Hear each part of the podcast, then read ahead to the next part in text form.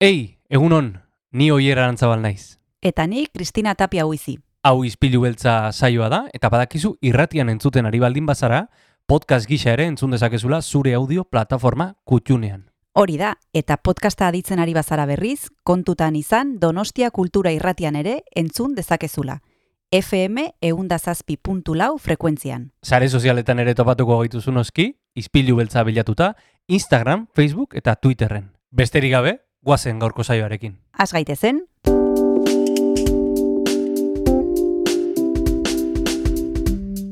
Ispilu beltza. Donostiako kulturaren berri, Oyer Arantzabal eta Kristina Tapia buizirekin. Egunon donostia, egunon entzule, osteguna da, maiatzak emezortzi ditu, eta bagoaz gaurko saioarekin. Izpilu beltza, donostia kultura irratian.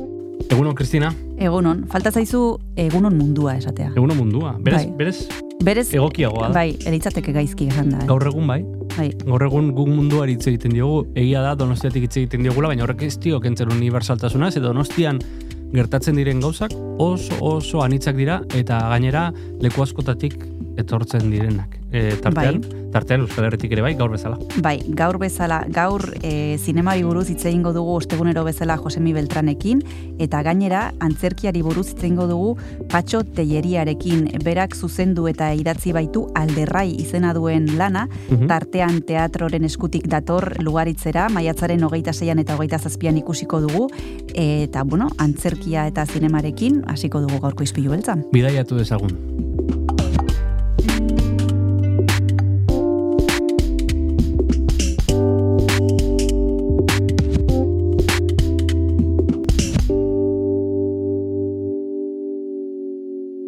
Kaixo entzule, zer moduz zaudete, tira, pixkanaka, pixkanaka, ari gara, eh, asteburura iristen, gaur osteguna dugu eta entzun duzue, mm, gaurko izpilu beltza ere edukiz beterik datorkigu. Eta ni naiz gehiago luzatuko, guazen eh, gaurko lehenengo kantua entzutera, e, dudari gabe, bueno, ba, azken aldian eh, jarri dugun eh, kantarik freskoenetako bat izango da, pasaden astean e, plazaratu zuelako rukula taldeak traganarru izena duen bilduma, eta hause da bertan aurkitu genezakeen anisaki kantua. Egunon.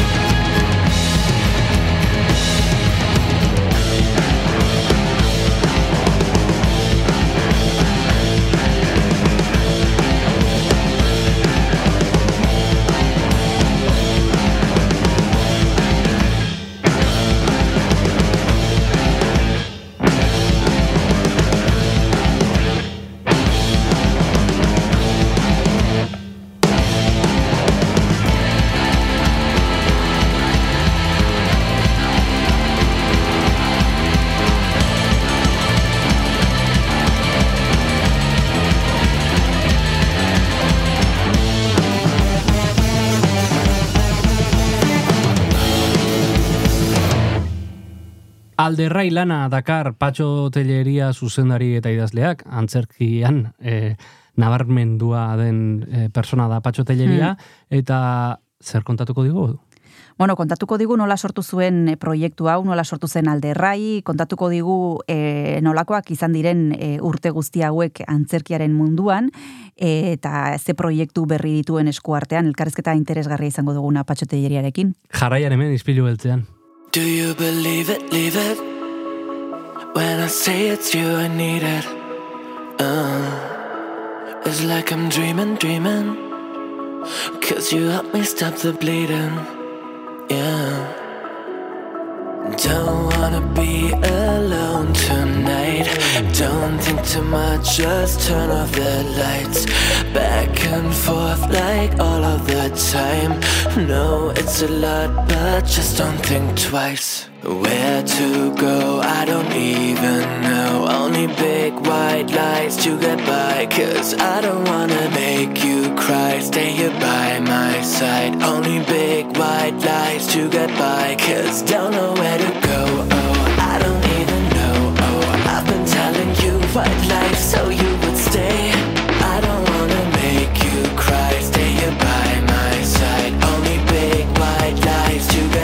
Cause I just don't know where to go. I don't even know. Only big white lights to get by. Cause I don't wanna make you cry. Stay here by my side. Only big white lights to get by. Cause don't know where to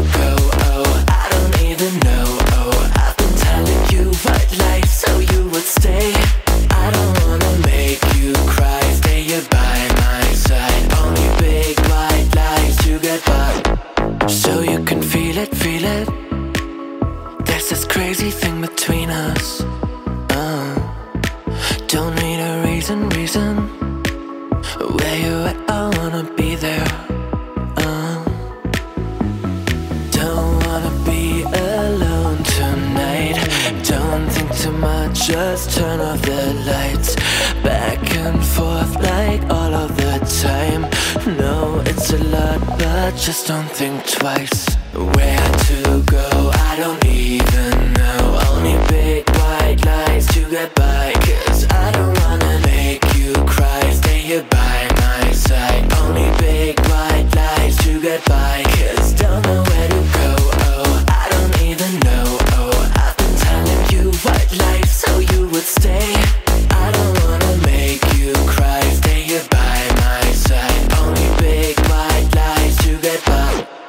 Just don't know where to go. I don't even know. Only big white lights to get by. Cause I don't wanna make you cry. Stay here by my side. Only big white lights to get by. Cause don't know where to go.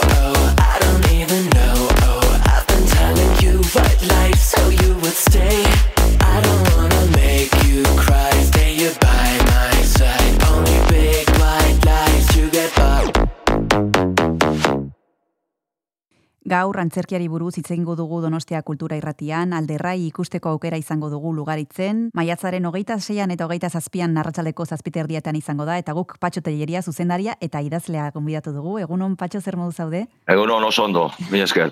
Bueno, asteko e, kontatu mesedez zer den alderrai, gehiagei kontatu gabe ere, zer da lan hontan ikusteko aukera izango duguna? Bueno, ba, lan honetan, e, bueno, protagonista alderraia, protagonista e, historio narratzaia da, pertsonaien Mhm. historia da. Hau da, Mhm. kaletik e, ibilten da, e, pertsonaien bila, pertsonaiak harrapatu, eta gero haien historiak kontatzen ditu kalean, ba, borondateren truke. Azken Mhm. finean, e, bueno, narraz, narrazioen gorra, gorazarre bada, antzeslan hau, narrazioz josita dago eta narrazio guztiek osatzen dute historio bakar bat edo narrazio nagusi bat, ez? Azken finean, e, e, historio bakar bat, e, puzle baten moduan, ba, historio desberdinen bidez kontatua. Eta, bueno, horre, pertsonaiak daude alde batetik alde arrai, historio kontrolaria nagusia, e, e, bizitza eskaini diona bere lanari eta hor, eta bizitza eta e, erabaki horrek ba ondorio latzak ekarri ditu bere bizitzan eta eta gero dago bere morroia ba, neska gazte bat e, ofizioa bere ondoan ikasi nahi duena eta erlazio hori izango da azken finean e, historio nagusiaren hildoa, ez? Narrazio, e, erlazio horren e, nondik norakoak, e, sekretuak, e, ustegabeak, e, e, izkutuko egiak eta izkutuko gezurrak, eta hori hori da historiaren ezurdura eta histori hori ba kontatzen da eh, haiek kalean e, publiko ez ezagunari kontatzen dizkioten historioen bidez. Mm. Aipatu zu agertzen dela neska bat, morroia izango litzatekena eta ofizioa ikasi nahi du. Eta suertatu zait orain txertan e, duda, e, olako ofizio bat ikas daiteke e, historia kontatzea, e, gauza erraza ematen du, baina ez da hain erraza ongi egitea hori, eta nik, ez, ez zuek hortara dedikatzen zarete, eta ez dakit hori ikas bai. daiteken, edo hori barruan daukazun zerbait den. E, bueno, suposatzen dut zerbait egon behar dela barruan, e, baina bai ikasten da, eta batez ere esperientziarekin nik uste dut ikasten dela, mm. nik uste dut e, nin e, idazle moduan, kasonetan eta zuzendari moduan, eta batez ere Mikel aktore bezala, eta bueno, Mikel Martinez da protagonista, Sandra, mm -hmm. Sandra ba, Fernandez Agirrerekin batera, e, ba, hombre, denborarekin, e, e, ofizioa ikasi dugu, eta nik uste dute e, bai berak eta bai nik badakigula historioa kontatzen nik nire kasuan, kasu honetan idazten, eta bera interpretatzen antzesten e, duela hogeta mar urte, baina askoz hobekiago eta askoz zuzenago, ez?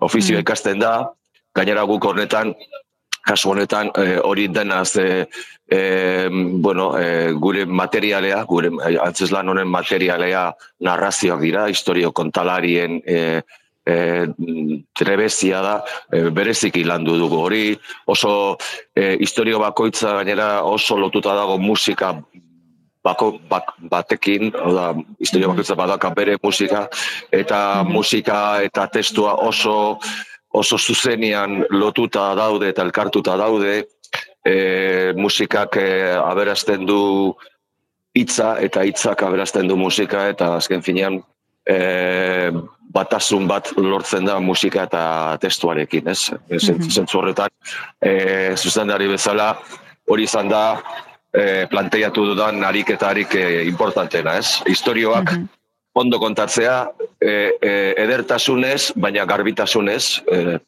bi, bi, bi elementuak oso importanteak dira, alde batetik kontak, kontakizuna ederra eta erakargarria izatea, eta beste alde batetik historioa ederto eta errez ulertzea.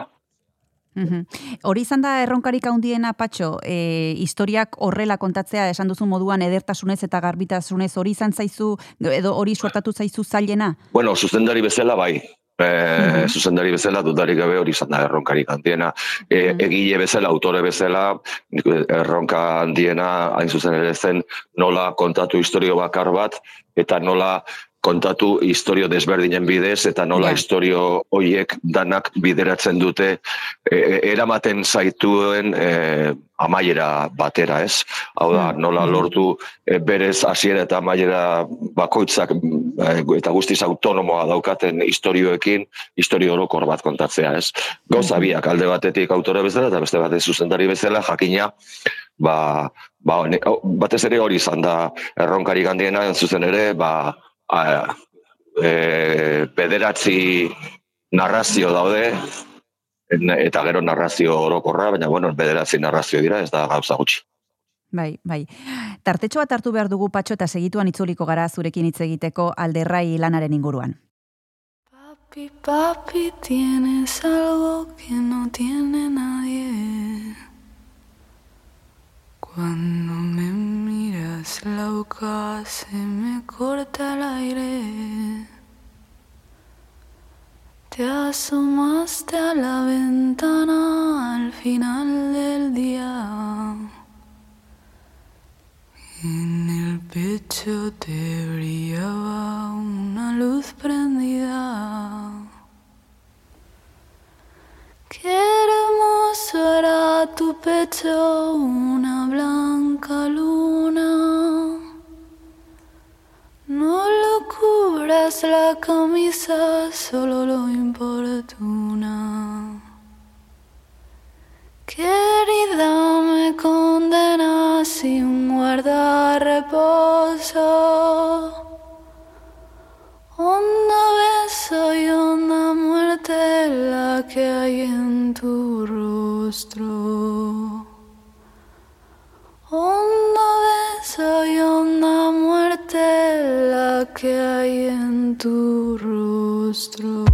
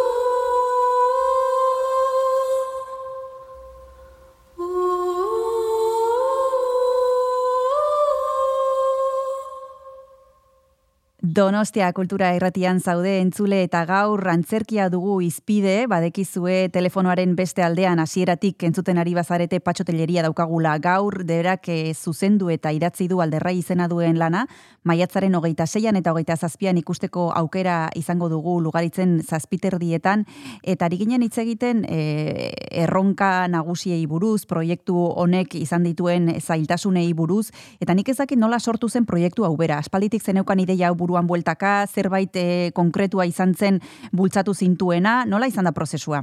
Bueno, a ber, e, historio bakoitzak eta e, proiektu bakoitzak sorrera desberdin badauka. Gauzak nondik sortzen diren oso e, ez da binola e, erreza antzematen, e, ideiak eta e, musak e, edo nondik agertzen dira eta normalian abisatu gabe.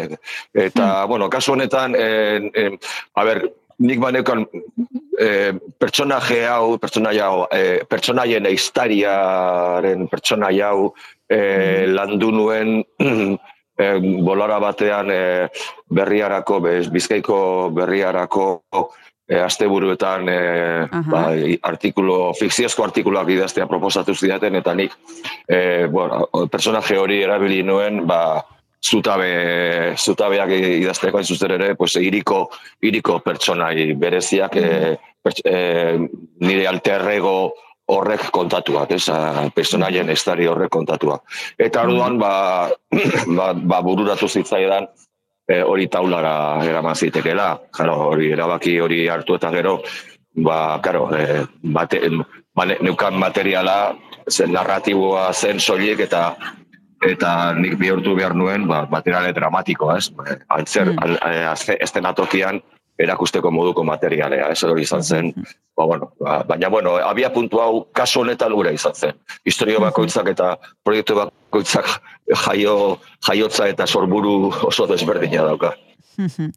Eta hori e, dramatiko behartzen nuen, e, bihurtu behartzen nuen, eta hortarako behar dituzu aktoreak gorpuzteko holtzaren gainean Bai. zuk buruan Bai. daukazuna, eta hontarako izan dituzu e, zurekin ez aipatu ditugun Mikel eta Sandra, beraiek Bai, izango zirela bai. bazenekin hasieratik e, Ez, edo... ez, eh, bueno, eh, Mikelen kasuan bai, ba, bueno, konpainian, Mhm. elkarre- elkarrekin lan egiten dugulako beti, Mhm. eta eta gainera adineko aktore bat izan, adineko, zare dute iruro eta ma, iruro bost urtetik gorako aktore bat, hombre, pues, eh, eh, aukera, aukera ez zen oso komplikatua. Eta gero, Mhm. be- be- behar nuen, eh, personaje gazten, emakume neska gazte bat, behar nuen, Mhm. eta eta al- aukera nahiago nuen guretzako gutxienez guretzako eh, ez ezagunagoa izatea hau da guk eh, ba, askotan egin dugu lan eh, olatz gamboa eh, Mhm. ane pikaza eta en fin eh, baina eh, claro eh, de- eh, Naiz eta fikzio izan ikusleak ikusten baditu personaje badaki ezagunak direla. Topatu behar nuen bat e, gure gure inguru inguru gertutik e, orain, orain arte egon ez dana, ez? Eta orduan, Mhm. ba, hau, e, bueno, pues, casting prozesu baten ondo, ondoren, ba, e, Sandra Fernandez Agirre ezagutzen genuen, beste lan batzuk e, egina dalako, eta, eta aukeratu genuen bera, eta eta, bueno, oso, oso pozik gaude.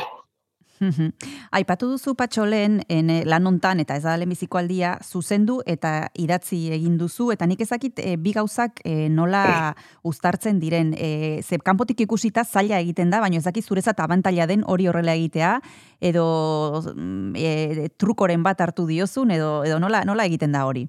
A ber, bueno, ni normalian eh, gehien gehiago, gehiago egin dudana izan da eh, antzeslanera idatzi eta antzestu gehiagotan. Eh, Bai. gure lanean, eh, igual, e, eba, e, jokin horegik zuzendutako lan asko egin ditugu nik te, testua idatzi eta eta gero Mikel Martinez eta beste batzuekin antzestu.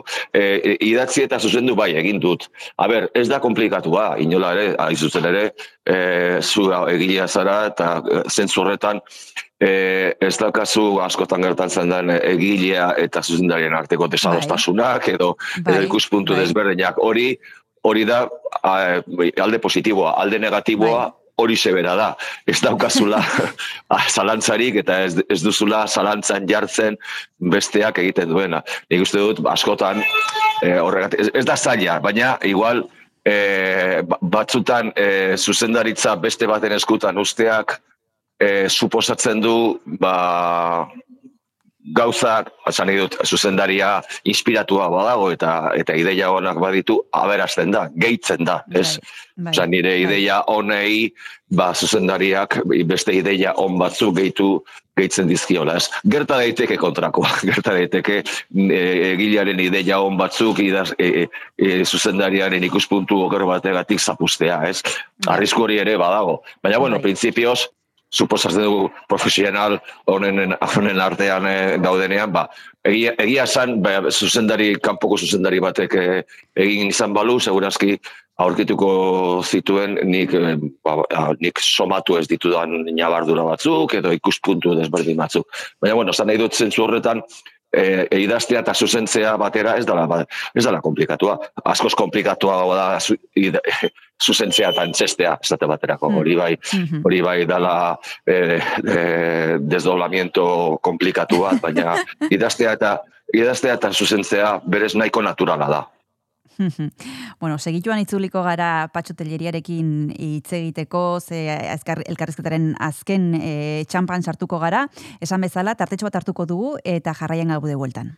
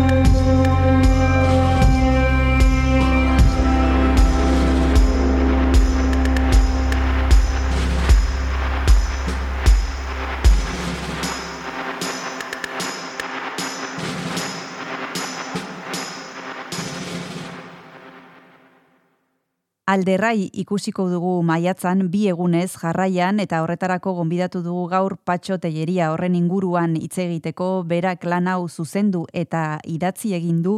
Eta ez dakit e, nik hemen ikusi dudanagatik Donostia kultura irratian ikusi dudanagatik antzeslan e, asko ekartzen ditugu eta zuzendariekin, aktorekin hitz egiten dugu. Eta bi egun jarraian egotea gaur egun ez da oso ohikoa. Normalean e, lanak egun bat egoten dira eta zuek e, bi egun egongo zarete jarraian e, zakit horrek ardura ematen dizu, poza ematen dizu, ikusita nola nola gabiltzan e, gaur egun e, no- nola bizi duzu e, ba, adibidez hemen bi egun egotea beste leku bezan, beste leku batzuetan ere tokatuko zaizu baina e, ez da ohikoa ez? Eta ez dakit horrek ze sentiarazten dizun? Bueno, a ber, ez da bikoa, hirietan, hiriburuetan, nik dut ez dela hain arraroa. E, gu, askotan antzesten dugu e, biegun ba, bez, Donostian edo bueno, Bilbon gaudenean, jakina Bai. Bilbon batez ere, Bilbokoak garelako, eta ba. E, azken finean, e, bueno, guk ez dugu era, erabakitzen, hori e, programazioaren e, e, ikuspuntua da eta erabakia da, haiek, haiek baloratzen dute. Bai, bueno, e, egia esan, e, e, badakizu, an- antze- antzerkia eta euskarazko antzerkia, e, bueno, bolarak egoten dira, azkeneko pandemiaz geroztik e, nabaritu da orokorrean, e, bueno, publikoak apur bat behera egin duela, publiko iku, ko- kopuru orokorra e, apur bat behera egin duela, Men, bolara bat egon ginen justo lehenago sekulako gorakada e, nozitu zuena.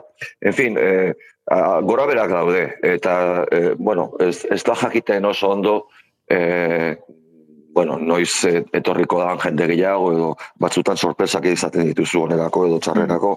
E, gero gertatzen da, eta hori, nik uste dute, e, e, alde batetik, e, e, e, publiko gutxiago e, ekartzeak ekartzea dakar, baina beste alde batetik oso gauza ona da, hau da, e, euskarazko antzesla, antzeslanen e, eskaria, eparkatu eskaintza asko asko handitu da, osea gaur egun e, azkeneko ger, urtetik urtera e, produzio gehiago ekoizten dira eta lanaren lanen kalitatea goraka doa, nabarmen, e, Nik gainera, kaso honetan, badakat, badakit zer eta zain nahi zen, ze e, Euskal Antzerkiaren munduan nabil ze, amarkadetan, eta, e, eta badakit, badakit nola, nolakoa zen e, panorama duela hogei eta bost, hogeita hamar urte, eta badakit nola dagoen orain, eta garai hartan e, guk emanaldi gehiago egiten genituen eta emanaldi bakoitzean publiko gehiago joaten zen, baina horre, baina batez ere oso eskaintza gutxi zegoelako, oso aukera gutxi zeukalako publikoak euskarazko antzeslanak ikusteko eta orduan eh, zeuden bakarrak baliatu eta aprobetsatu behar zitu- zituen gaur egun eskaintza ugariagoa da, hori ona da, oso ona da ikusarentzat. E, konpainientzat, bueno, pues, pixka bat e, lan gehiago eskatzen du, ze Ja. kompetentzia askoz larriagoa da eta eta eta tartak eh, askoz askoz gehiagoren artean banandu behar da. Ez. Aipatu duzu patxo e, bizitza guztia antzerkian, e, bizitza guztia arlontan lanean, e, nola aldatu dira gauzak? Hasierak beti dira zailak, gaur egun aldiz kompetentzia gehiago dago, zuk esan duzu, ez dakit e, e, garai bakoitzak daukan bere zailtasuna edo lehen e, gauzak xamurragoak ziren orain baino, alderantziz, orain errezagoa da proiektu bat aurrera ateratzea, nola ikusten duzu bilakaera? Hori, nik, ba- nik eh, ezin dizute erantzun objektibo bat eman, bueno, inork ez, ezin dizu erantzun objektibo ba- bat eman, e, ze, dena da oso subjektibo eta gainera, begira, ba, segurazki e, duela eta mar urte gauzak gu- askoz ere komplikatuagoak ziren, baina, karo, guk eh, nik, igual, eta, eta bostok eta mar urterekin indarra eta ilusioa e, Ja. sekulako eta orduan e, zailtasunak ez genituen ikusten. E, Ja, e, oso oso modu prekarioan bizi ginen, e, etxe bat alokatzeko nahikorik ere ez genuen, eta egunero egunero bizi dauteko iaia baldintza oso, oso eskasekin, baina zitzaigun, importa. Ja, Edo gutxi ja. importa zitzaigun. E, Eh, eta hor- horregatik esan dizut, esan, osea, egoera horretan biziko barin zorain, familia dokadala, seme alabak eskolara eraman behar ditut, eta ike- eta, eta universidadea horretan behar dut, eta iruditu, irudituko litzaidak eso berazki ikaragarri eh, txarra, eh, baina garai hartan ez. En fin, eta alde batetik, alde, eta beste alde batetik, bueno, eh, nik uste dut, eh, artista eta kasu horretan euskarazko antzesla eh, antzerkira dedikatzen ginen jendearen eh, eh, errekonozimento soziala oso eskasa zen, eta segurazki gaur ge- gehiago baloratzen da. Baina, en fin, eh, es- de- de- esate dizu, askotan galdetzen diate, nola, nola dago euskal antzerkia, eta nik esaten, beti esaten dugu, zabera, ni, ni basoaren barruan nago, ezin dizut, ezin dizut basoa nolakoa den esan, ze horretarako basotik atera beharko nintzateke, muño batera igo eta basoa kanpotik begiratu, ez? Baina barruan nago, orduan bakarrik kontatu baldut nire esperientzia, ez? Hori bai, objetiboki e, e, uka ezina da Euskal Antzerkia eta nabarmen nabarmen hobetu dela, kalitatea eh, igo dela, eh, esan nahi dute duela, duela hogeita hamar urte segurazki ezin genuen esan Euskarazko antzerkia, gaztelaniazko antzerkiaren parean zegoenik, kalitatez eta Bai. eta gaur egun argi eta garbi aldarrikatu dezakegu Euskarazko antzerkia, gaztelaniaz egiten den antzerkiaren parean dago gutxienez. Inolako lotxari gabe. Eta zu horren parte bazara, horren, e, horren ba, basoan zaudelako zu ere bai, eta urte mordoa egin duzu lan Euskal Lantzerkian. Nik ezakit e, orain alderrai daukazu eskuartean, alderrai ikusteko aukera izango dugu, eta pentsatzen dut e, egongo zaretela herri gehiagotan ere, baina ezakit buruan beste zerbait daukazun burbur edo momentuz e, buru belarri zauden proiektu honekin. Ez, ez, eh, antzerkian, eh, antzeslan bat bukatzen duzun, bukatu bezain pronto, eh, urrengo, urrengo proiektuarekin ari zara pentsatzen, eta hain zuzen ere, une honetan ensaiatzen ari gara ja, Ja, eh? eh, datorren, ur, datorren temporadari begira, Mhm. eh, ja, urrengo proiektua, kasuretan eh, izena izango du kortxoaren dilema, Aha. Eh, Mikel eta Biok antzestua, nik idatzia, eta Mireia Gabilondok zuzendua, Mhm. eta, bueno, thriller politiko soziala da, komediatik badu, baina batez ere e, intriga, bueno, intriga, poli, intriga soziopolitikoa eta dilema moralei buruzko e, joku teatral bada, Bueno. Eta ez uste gabeko handiekin. Eta Bueno. bueno, hor- hori hori ari gara prestatzen une honetan. Hori apuntatuko dugu, e, ikusteko aukera izango dugulako Bai. seguru nago, baina bitartean alderrai e, hori seguru e, maiatzaren hogeita zeian eta hogeita zazpian arratsaldeko zazpiterdietan biegun jarraian lugaritzen apuntatu, eta eskerrik asko patxotelleria izpilu beltzara hurbiltzeagatik Bai. eta bezarkada bat urrengor arte. Eskerrik asko zuei. Agur. Agur.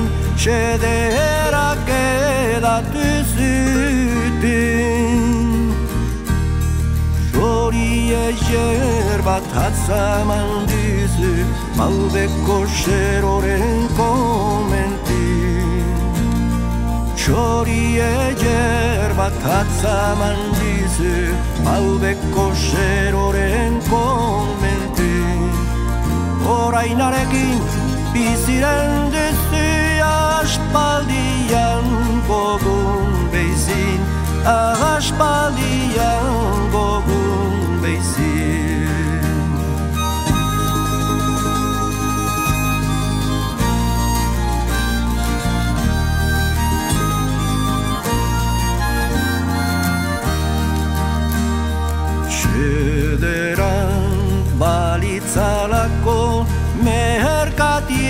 bertan saltzeko. Xedera balitzalako Merkatietan saltzeko. Siberuako aitunen zenek Eros litzazkie oro. Siberuako aitunen zenek zazki euro. Alako xorie jertozun baiten atzamaiteko Zun baiten atzamaiteko Zun baiten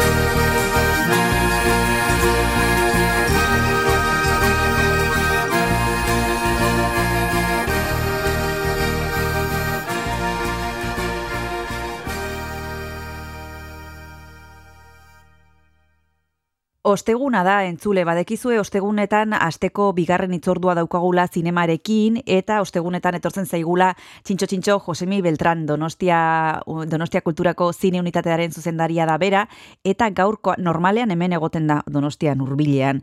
E, baina gaurkoan, e, telefonoaren beste aldean dago, baino, kanesen, arratsaldeon edo egunon, e, Josemi, zer moduz? Kaixo, kaixo, egunon, ondo, pizkat urbitiago gaude gaur. Piskat Baina, urrutia, bueno, beste gustora. itxaso batean, mediterraneo Bai, aldean. bai, bai. Bai, Zer moduz baina, kanesen? bueno, Eguraldia antxeko parecido, eh? Ah, bai. Donostian antxeko parecido. Ba, Bueno. Euri pizkat, eguzki pizkat, osea, aldakorra. Bueno. Eguraldia oso aldakorra da. Bueno, baina izar gehiago igual, ez? Zein, eh? Izar gehiago. Izar, izar, bueno, izar, izar, eta, eta estrellado asko ere badaude. Bueno, orduan hemen bezala, hemen ere estrellado asko ere, bai. Bueno, Josemi, e, hitz egingo dugu pixka bat, e, kanesi buruz, e, e, bueno, badekizue e, Donostiako zinemaldiarekin batera, Berlinekin batera eta Veneziarekin batera, e, kanes A kategoria daukan e, zinemaldia dela, e, bertan dago esan bezala Josemi Beltran, eta konta, aprobetsatuko dugu bertan dagoela kontatzeko zer egiten duen han, eta, Mhm. bueno, ikusteko aukera izan badu zerbait ikusteko ere, aipatuko digu, baina batez ere, Josemi, zertara joaten da Donostia kultura, zertara joaten da e, udala kanesera? Bai, guretzat da eh, lan itzordu bat, eh, Mhm. agian, bueno, ba, urteko lan itzordu gargantzitsuena, Mhm. zeren hemen merkatu honetan, kaneseko merkatuan, batez ere datengatik, ba, elkartzen da industria osoa, mundu mailan, eh? eh, Asiatik, Amerikatik, Europatik, eta eta batez ere da merkatu bat aurkitzeko filmak e, giza eskubiden zinemaldiari begira eta beldurezko beldurezko asteari begira. Mhm. eh? zer dago salgai, e, zer dago prestatzen agian datorren urtean aterako dena, e, bueno, ba, saltzaileekin biltzeko, Mhm. eta eta baita ere, bueno, ba, zenbait e, sortzaileak ere ma, hemen badaude, Mhm. hori alde batetik erostea edo erostea edo edo edo ikustea edo, eta bilatzea erosteko eh programa programa gure programa programazioan sartzeko, e, programazio desberdinetan eta beste aldetik ba bueno, baita ere babesa ematea ba, ba Euskal Herriko e, zinemari, Mhm. zeren ara, bueno, gero eta gehiago dago presente merkatu eta zinemaldi guztietan e, eta bueno, aurten bereziki generoko generoko fantasia eta Mhm. beldurezko e, zinema bereziki. Josemi, goazen hasieratik astera gian, merkatua esaten duzunean, zer esan nahi du merkatu hitzak? Ze guk ezagutzen dugunagatik ikusle bezala, e, Cannes edo Berlinen egiten dena, daia pelikulak erakutsi, e, lehiaketak daude, hainbat e, sailetan e, ordenatuta, hori da guk e, guri iristen zaiguna behintzat, baino merkatuaren parte hori ez da hain ezaguna jende arruntarentzat, e, zeri egiten diozu referentzia merkatua esaten duzunean? Bai, merkatu batean ah, izan daiteke baita ba gian merkatu makina herramienta bezaleko merkatu bat, ezta? Ba, badaude e, batez ere dira saltzaileak, e, saltzaileak dira ba, e, filmen eskubideak dituztenak, Mhm. izan daiteke mundu mailan, izan daiteke telebistetan jartzeko edo edo herri bakoitzeko e, banatzaileei saltzeko Mhm. eta orduan ba hori agentzia salmenta agentzia bat ba e, saltzen ditu ba, ba filmak e, saltzen dituzte eta eta bueno ba denetik aurkitu dezakezu hemen e, bat hori alde batetik gero badaude ere herri bakoitzeko ba bulegoak edo promozio bulegoak e, Espainiakoa e, ez dakit e, e, Norvegiakoa edo zein herrialdeko promozio bulegoak ere badaude bere, Mhm. beraien zinema e, basaltzeko eta promozionatzeko. E, eta gero badaude, ba, ba, e, kitaldi asko, solasaldiak, e, topaketak, e, saltzaile eta koizleen artean. Baina, bueno, gure bai zinemaldien txat edo, edo banatzaien txat edo telebisten txat, ba, ba, bueno, gu biltzen gara normalean saltzaiekin, eta badugu aukera baita ere filmak ikustiko pantailan dian. Eh? Badaude film horiek normalean ez dira geltzen e, kanpora begira ez dira ez dira geltzen, ikusle arrunten txat edo kritikarien txat, Mhm. baizik eh, bakarrik eh, bari erosleen txat, Mhm. eh, esan dezakegu. Eta orduan dira ba, ba, emanaldi pribatua. Mm. E, gure txat bakarrik, eta askotan ikusten duzu, ba, agian filosorik ez duzu ikusten, ikusten duzu ba, promo bat, edo zatitxo bat, zeren agian filmak dago oraindik bukatuta, baina baina jendeak noiz benka erosten du filma bueno, bukatuta ikusi gabe, e, agian ba, zuzendariagatik edo gaiagatik eta bat, eta horretan benetik dago, bagian mm zuzara telebista bat, zientzia fikziozko telebista bat, eta bakarren bilatzen duzu zientzia fikziozko film txarrak, hemen aurkituko dituzu. eta kalitatezko Europa edo Latinoamerikako sinema ere ba, bilatzen baduzu, hemen aurkitu dezakezu. Mm -hmm. bueno, ba, ba produktu, produktu mota guztietako produktuak eta, eta mota guztietako sinema dago, dago eskura maaietan eta eta aretoetan. Mm ikusteko eta eta bueno, ezagutzeko zer dagoen. Mm Ba, esplikatu du Josemi Beltranek zer den e, kaneseko merkatua, tartetxo bat hartu behar dugu eta segituan itzuliko gara jaialdi honen inguruan hitz egiteko. Josemi, abesti bat, abesti bat eskatu behar dizute, han e, Mediterraneo inguruan zaudela zer etorri zaizu burura, ze pentsatu duzu? Ba, ba dudari gabe e, e, la mer aukeratu dut, e, Charles Frenetek, e, bueno, e, e, abestutako ba, ba, doinua, frantziako doinua, eta, eta bon, ba, horrek ekarriko, ekarriko digu ba, hori e, kosta, kosta urbinaren usaina. Ederki, guazen entzutera.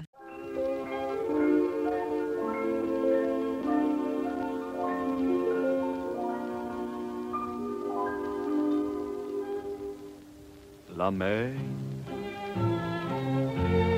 qu'on voit danser le long des golfes clairs a des reflets d'argent la mer, des reflets changeants sous la pluie. La mer, au ciel d'été, confond ses blancs moutons avec les anges si purs, la mer, bergère d'azur infinie. Voyez,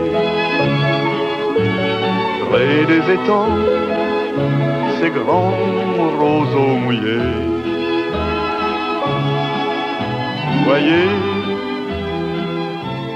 ces oiseaux blancs et ces maisons rouillées. La mer les a bercés le long des golfes clairs et d'une chanson d'amour la mer a bercé mon cœur pour la vie la mer qu'on va danser le long des golfes clairs à des reflets d'argent la mer des reflets changeants sous la pluie. La mer au ciel d'été confond ces blancs moutons avec les anges si purs, la mer, bergère d'azur infinie. Voyez, près des étangs, ces grands roseaux mouillés. Voyez,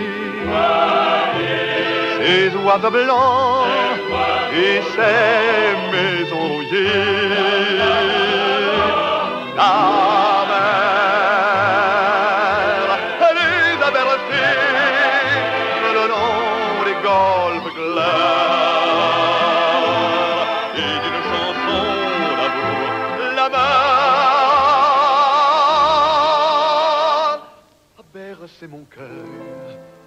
love.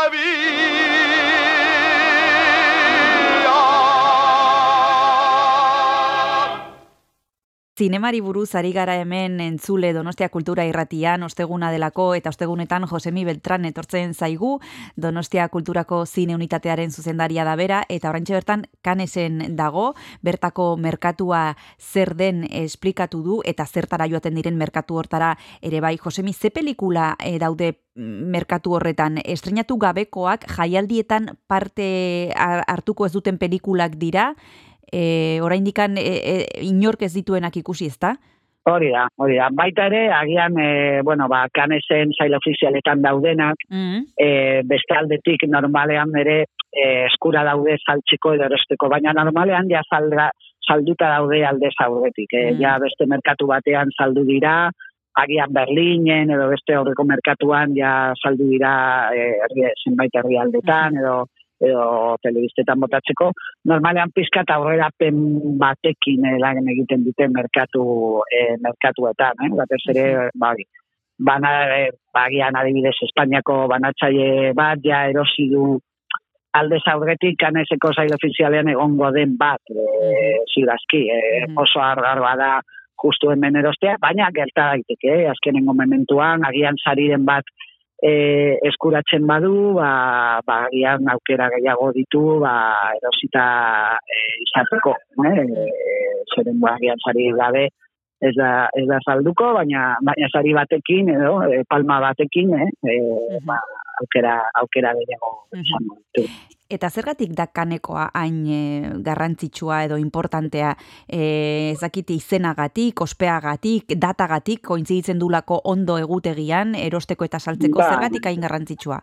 Bai, askotan esaten da hori, e, datak dira direla honenak, da baino lehen, e, zeren, bueno, gero bestaldetik dago Toronto dago Kanadan, hori da irailean, e, Berlin, Jakina, Otsaian, baina batez ere datei begira eta agian da leku baita erakargarria, Mhm. mundu guztiaren txat, etortzeko, etortzeko ona, ba, baita ere, ba, ba hori, eh, ematen dut ontakeri bat, baina bai luxusko giro hori, Hmm. ez dakit untxiak, jateak, ondartxa, e, hotelak, eta bar, e, hori askotan da erakargarria e, ba, ba, ekoizle handientzat edo etxe e, ba, sinema etxe boteren txat, batez ere estatu batuetako jendea edo Asiako jendea, ba, bueno, ba, oso oso glamurosoa eta oso txink ikusten du ona, ona etartzea, eh? E, eta bueno, ja, e, bueno, ba,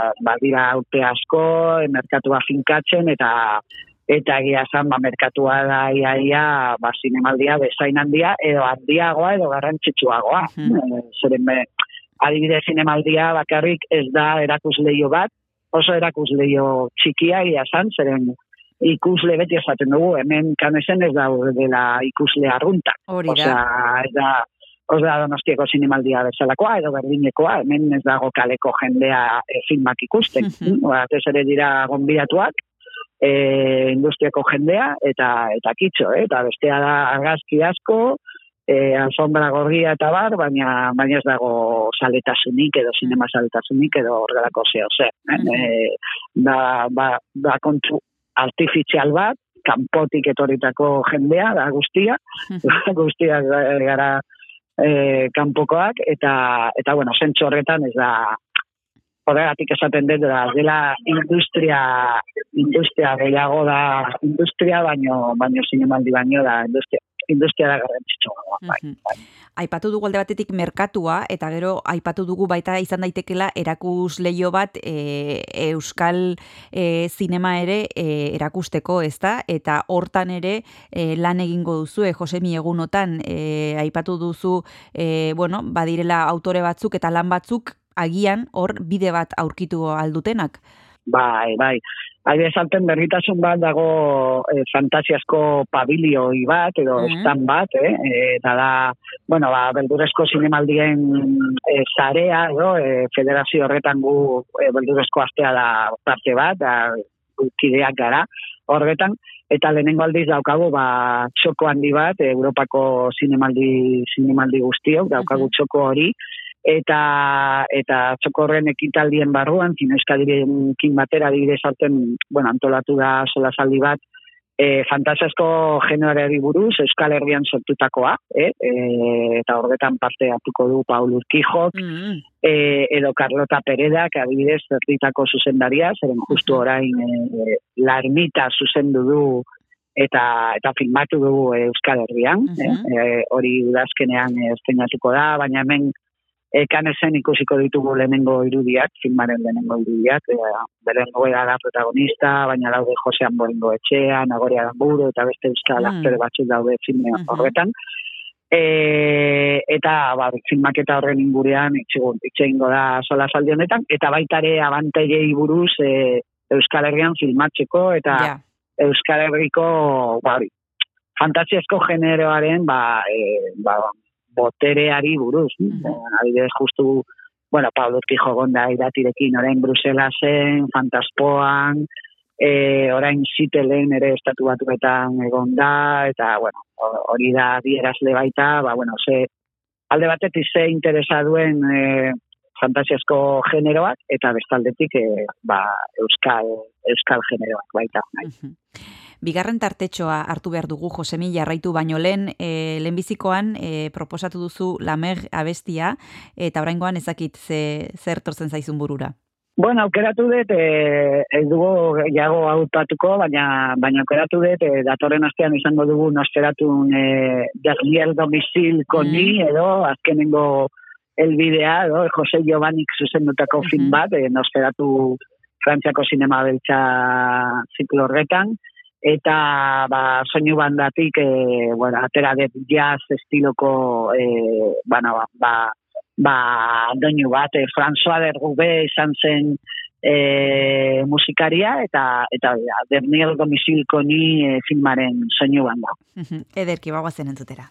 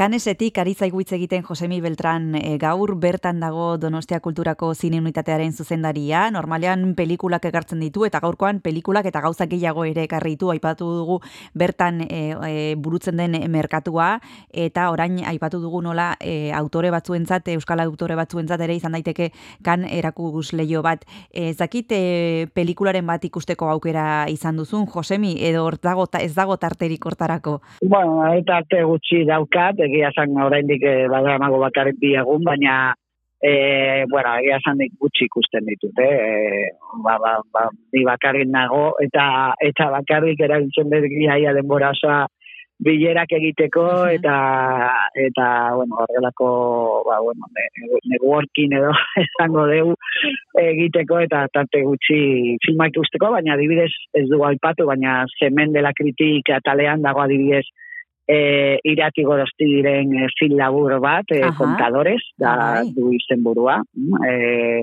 baina hori beranduago botako programatu da, Aha. eta bestalditik, bueno, ez da euskal filma, baina esan daiteke euskal zuzendaria, bakizue Victor Erizek, Mm. e, aurkeztuko du bere Egia film berria, e, eta, bueno, e, Zuk ikusi duzu zerbait, Josemi? Ez dute zer, zer ikusi egia zan, e, eta gogo asko daude hori ikusteko, dudari gabe, dago lehiaketetik kanpo, da, e, bueno, da emanaldi berezi bat, Aha. lehiaketatik kanpo, mai, maizu, maizu bezala, Victor Erize, eta, eta bueno, ikusiko dugu, ikusiko ditugu kritikat eta, eta iruzkinak ea jendeak zer esaten du, eh? baina iaia Pedro Almodóvar baino, baino, baino, bueno, ez dakit, eh, esperantza gehiago daude edo, edo bueno, pizkat eh, suspense handiagoa da Bai, ezta? eh, Erizeren film, filmarekin. Bai, Mhm. bai, bai. Bueno, bueno, ba, ikusiko dugu zer esaten duten, nola guk eh, oraindik ez dugun aukerarik eh, pelikula horiek ikusteko, etorriko dira, seguru, baina oraindik ez dakigu noiz, eh, fiatuko gara eh, kritikoetaz, edo ikusten, ezakit, Edo- edo ez, edo ez, edo. Bueno, behintzat irakurreiko ditugu kritikak atentzioarekin, eta gero baloratuko dugu, bakoitzak Bai. egingo du bere irakurketa, e, itxarotea gelditzen zaigu, ze badekizue jaialdietan el, ikusten direla pelikulak eta gero etortzen direla pixkanaka pixkanaka hori guk badakigu zinemalian ikusten ditugulako hemen primizian pelikula batzuk gero etortzen direlako ba, urte bete beranduago kasu batzuetan eta beraz esperientzia badaukagu eta pazienteak izango gara. E, Josemi Beltran, eskerrik asko izpilu beltzara hurbiltzeagatik, kanesetik tartetxo bat egiteagatik hainbeste bilera eta solasaldi eta bueno, hainbeste e, lanaren erdian tartetxo bat aurkitzeagatik, guretzako beti ez dela. Ez dakit noiz itzuliko zaren, baina pentsatzen dut ja urrengoa izango litzatekela e, normal, ez dakit edoan jarraituko duzu Ja, oraindik. bai, bai, ez, datorren astean ja egongo gara, Vale, egongo- egongo vale. gara don- donostian bueltan, Vale, eta, vale. eta kontatuko dizuen, nola, nola bukatu dugun. Oso ondo. Bueno, ba, esan bezala, eskerrik asko eta zorte hon, Josemi, urrengo arte. Bi esker zuei, agur. Agur.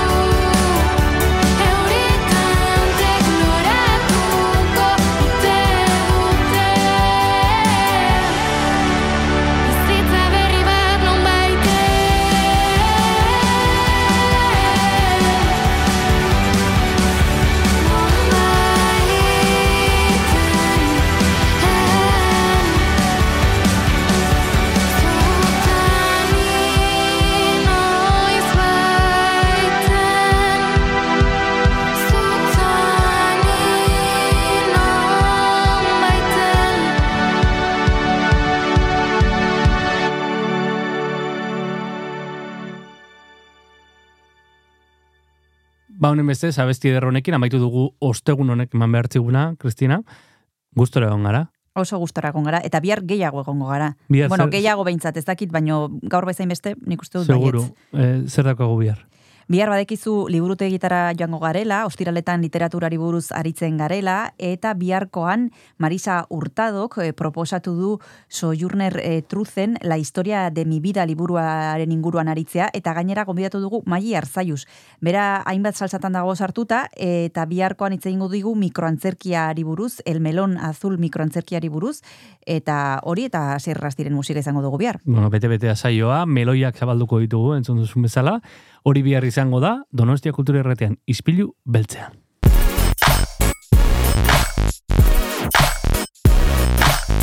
Donostia Kultura Irratia, Iriko eta Aldirietako kulturaren leioa.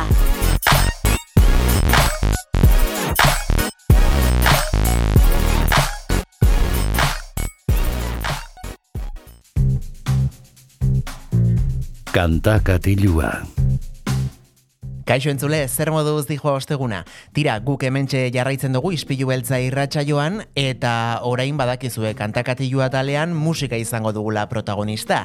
Eta gaurkoan Euskal Herrian jarraituaz, anari musikari handiaren eh, bilduma ezagunena izango dugu, edo niri behintzat ala iruditzen zaite, bere lanen artean, bueno, ba, hoi hartzuna handiena behintzat, honek izan zuela, 2000 eta amabosgarren urtean plazaratutako zure aurrekari penalak e, diskoa hain zuzen. Ba, tira, gehiago luzatu gabe, guazen e, diska osatzen duten e, bederatzi kantu hauez e, gozatzera, eta bueltan, entzungo gara elkar.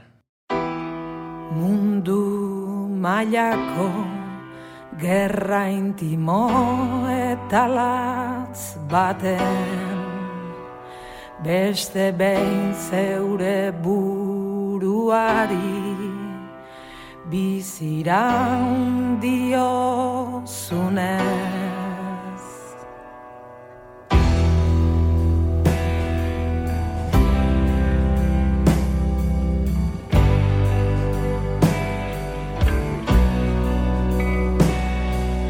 Bengo zera baki duzu zauden lekuan geratzea zure ametxen eraiste neurtuari ekitea. Zukorren beste denboran eta horren besteko afanez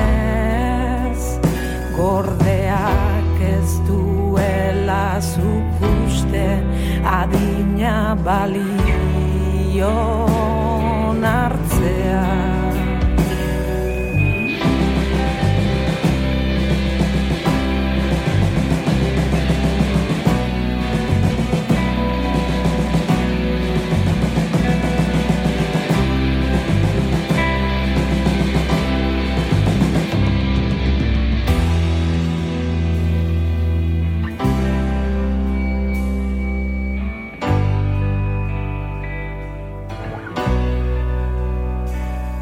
Zezu beti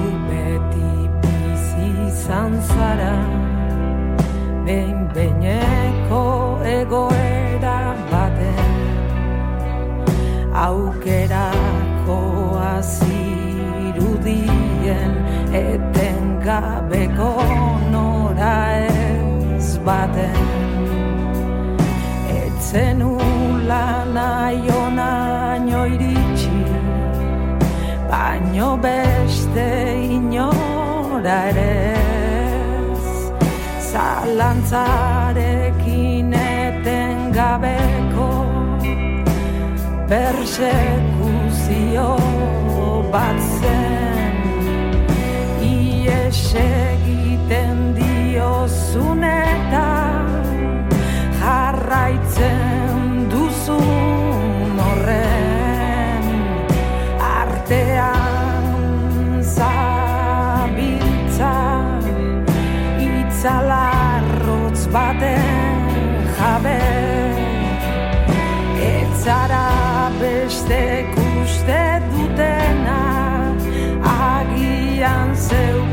dedos.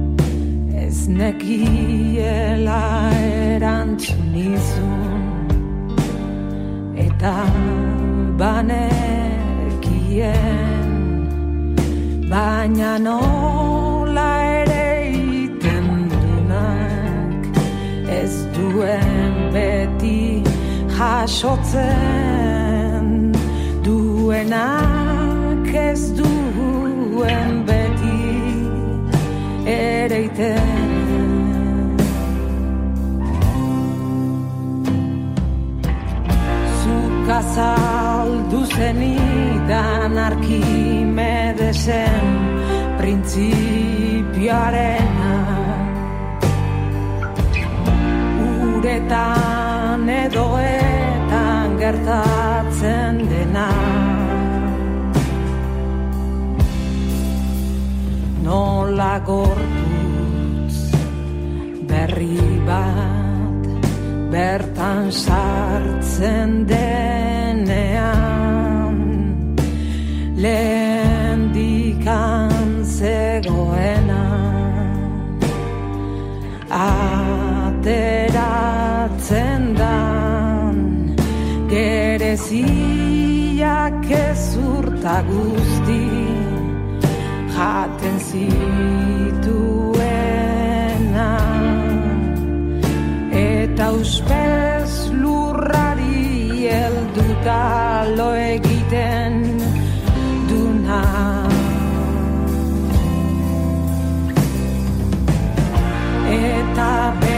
the big.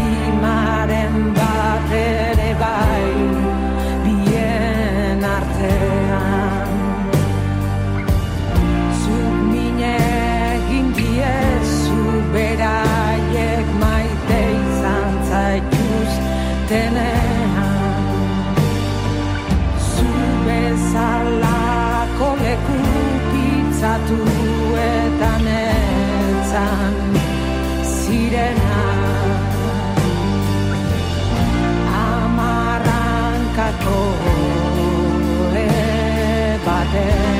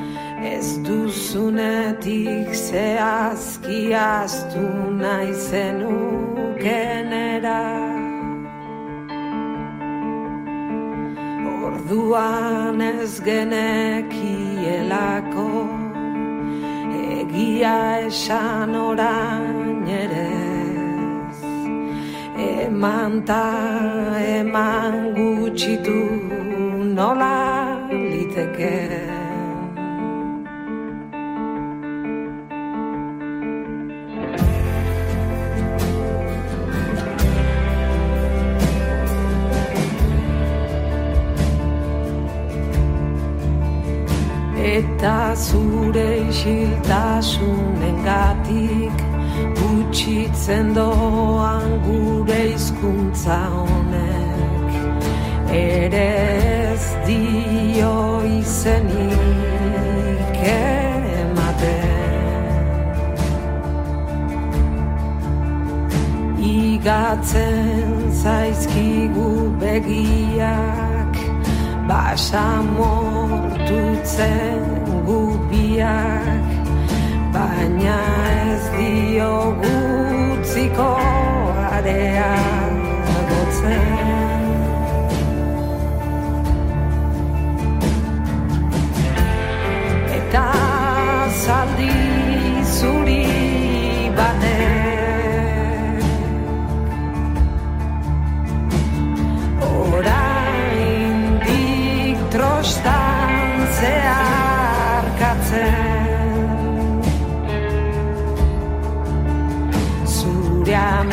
etxetatik nire da zelai zulo dupa.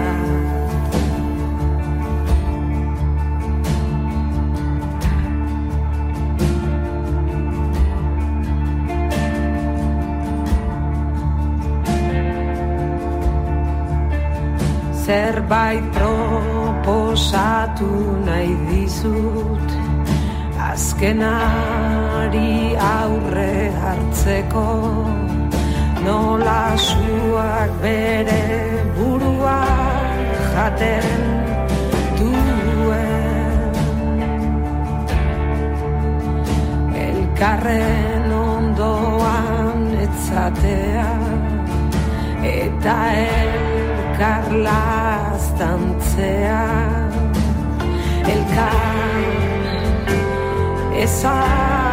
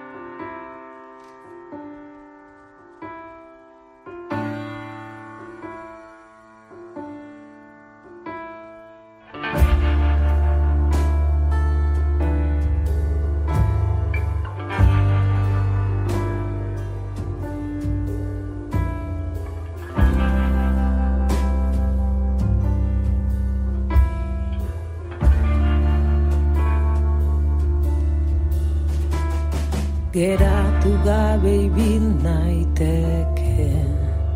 Mila kilometro zeru.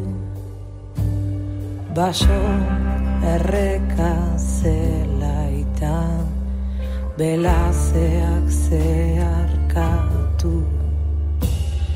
Gauaren luzea ibili eta egun argiz ezkutatu hankako doltzeraino neure muga marraztu.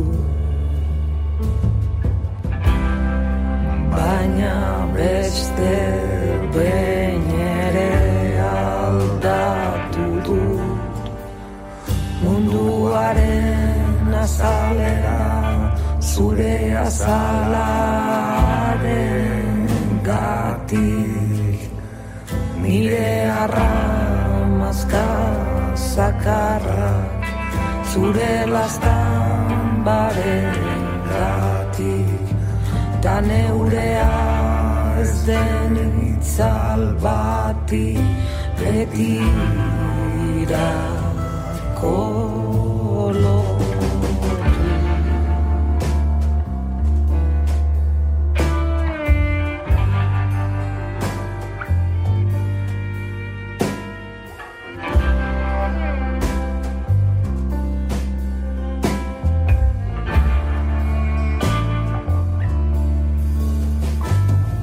Lo zaudela imaginatzen dut ze animalia ginaken gu Zu jango nindukezun edonik Hango zintuzkedan zu Nor noren arrapari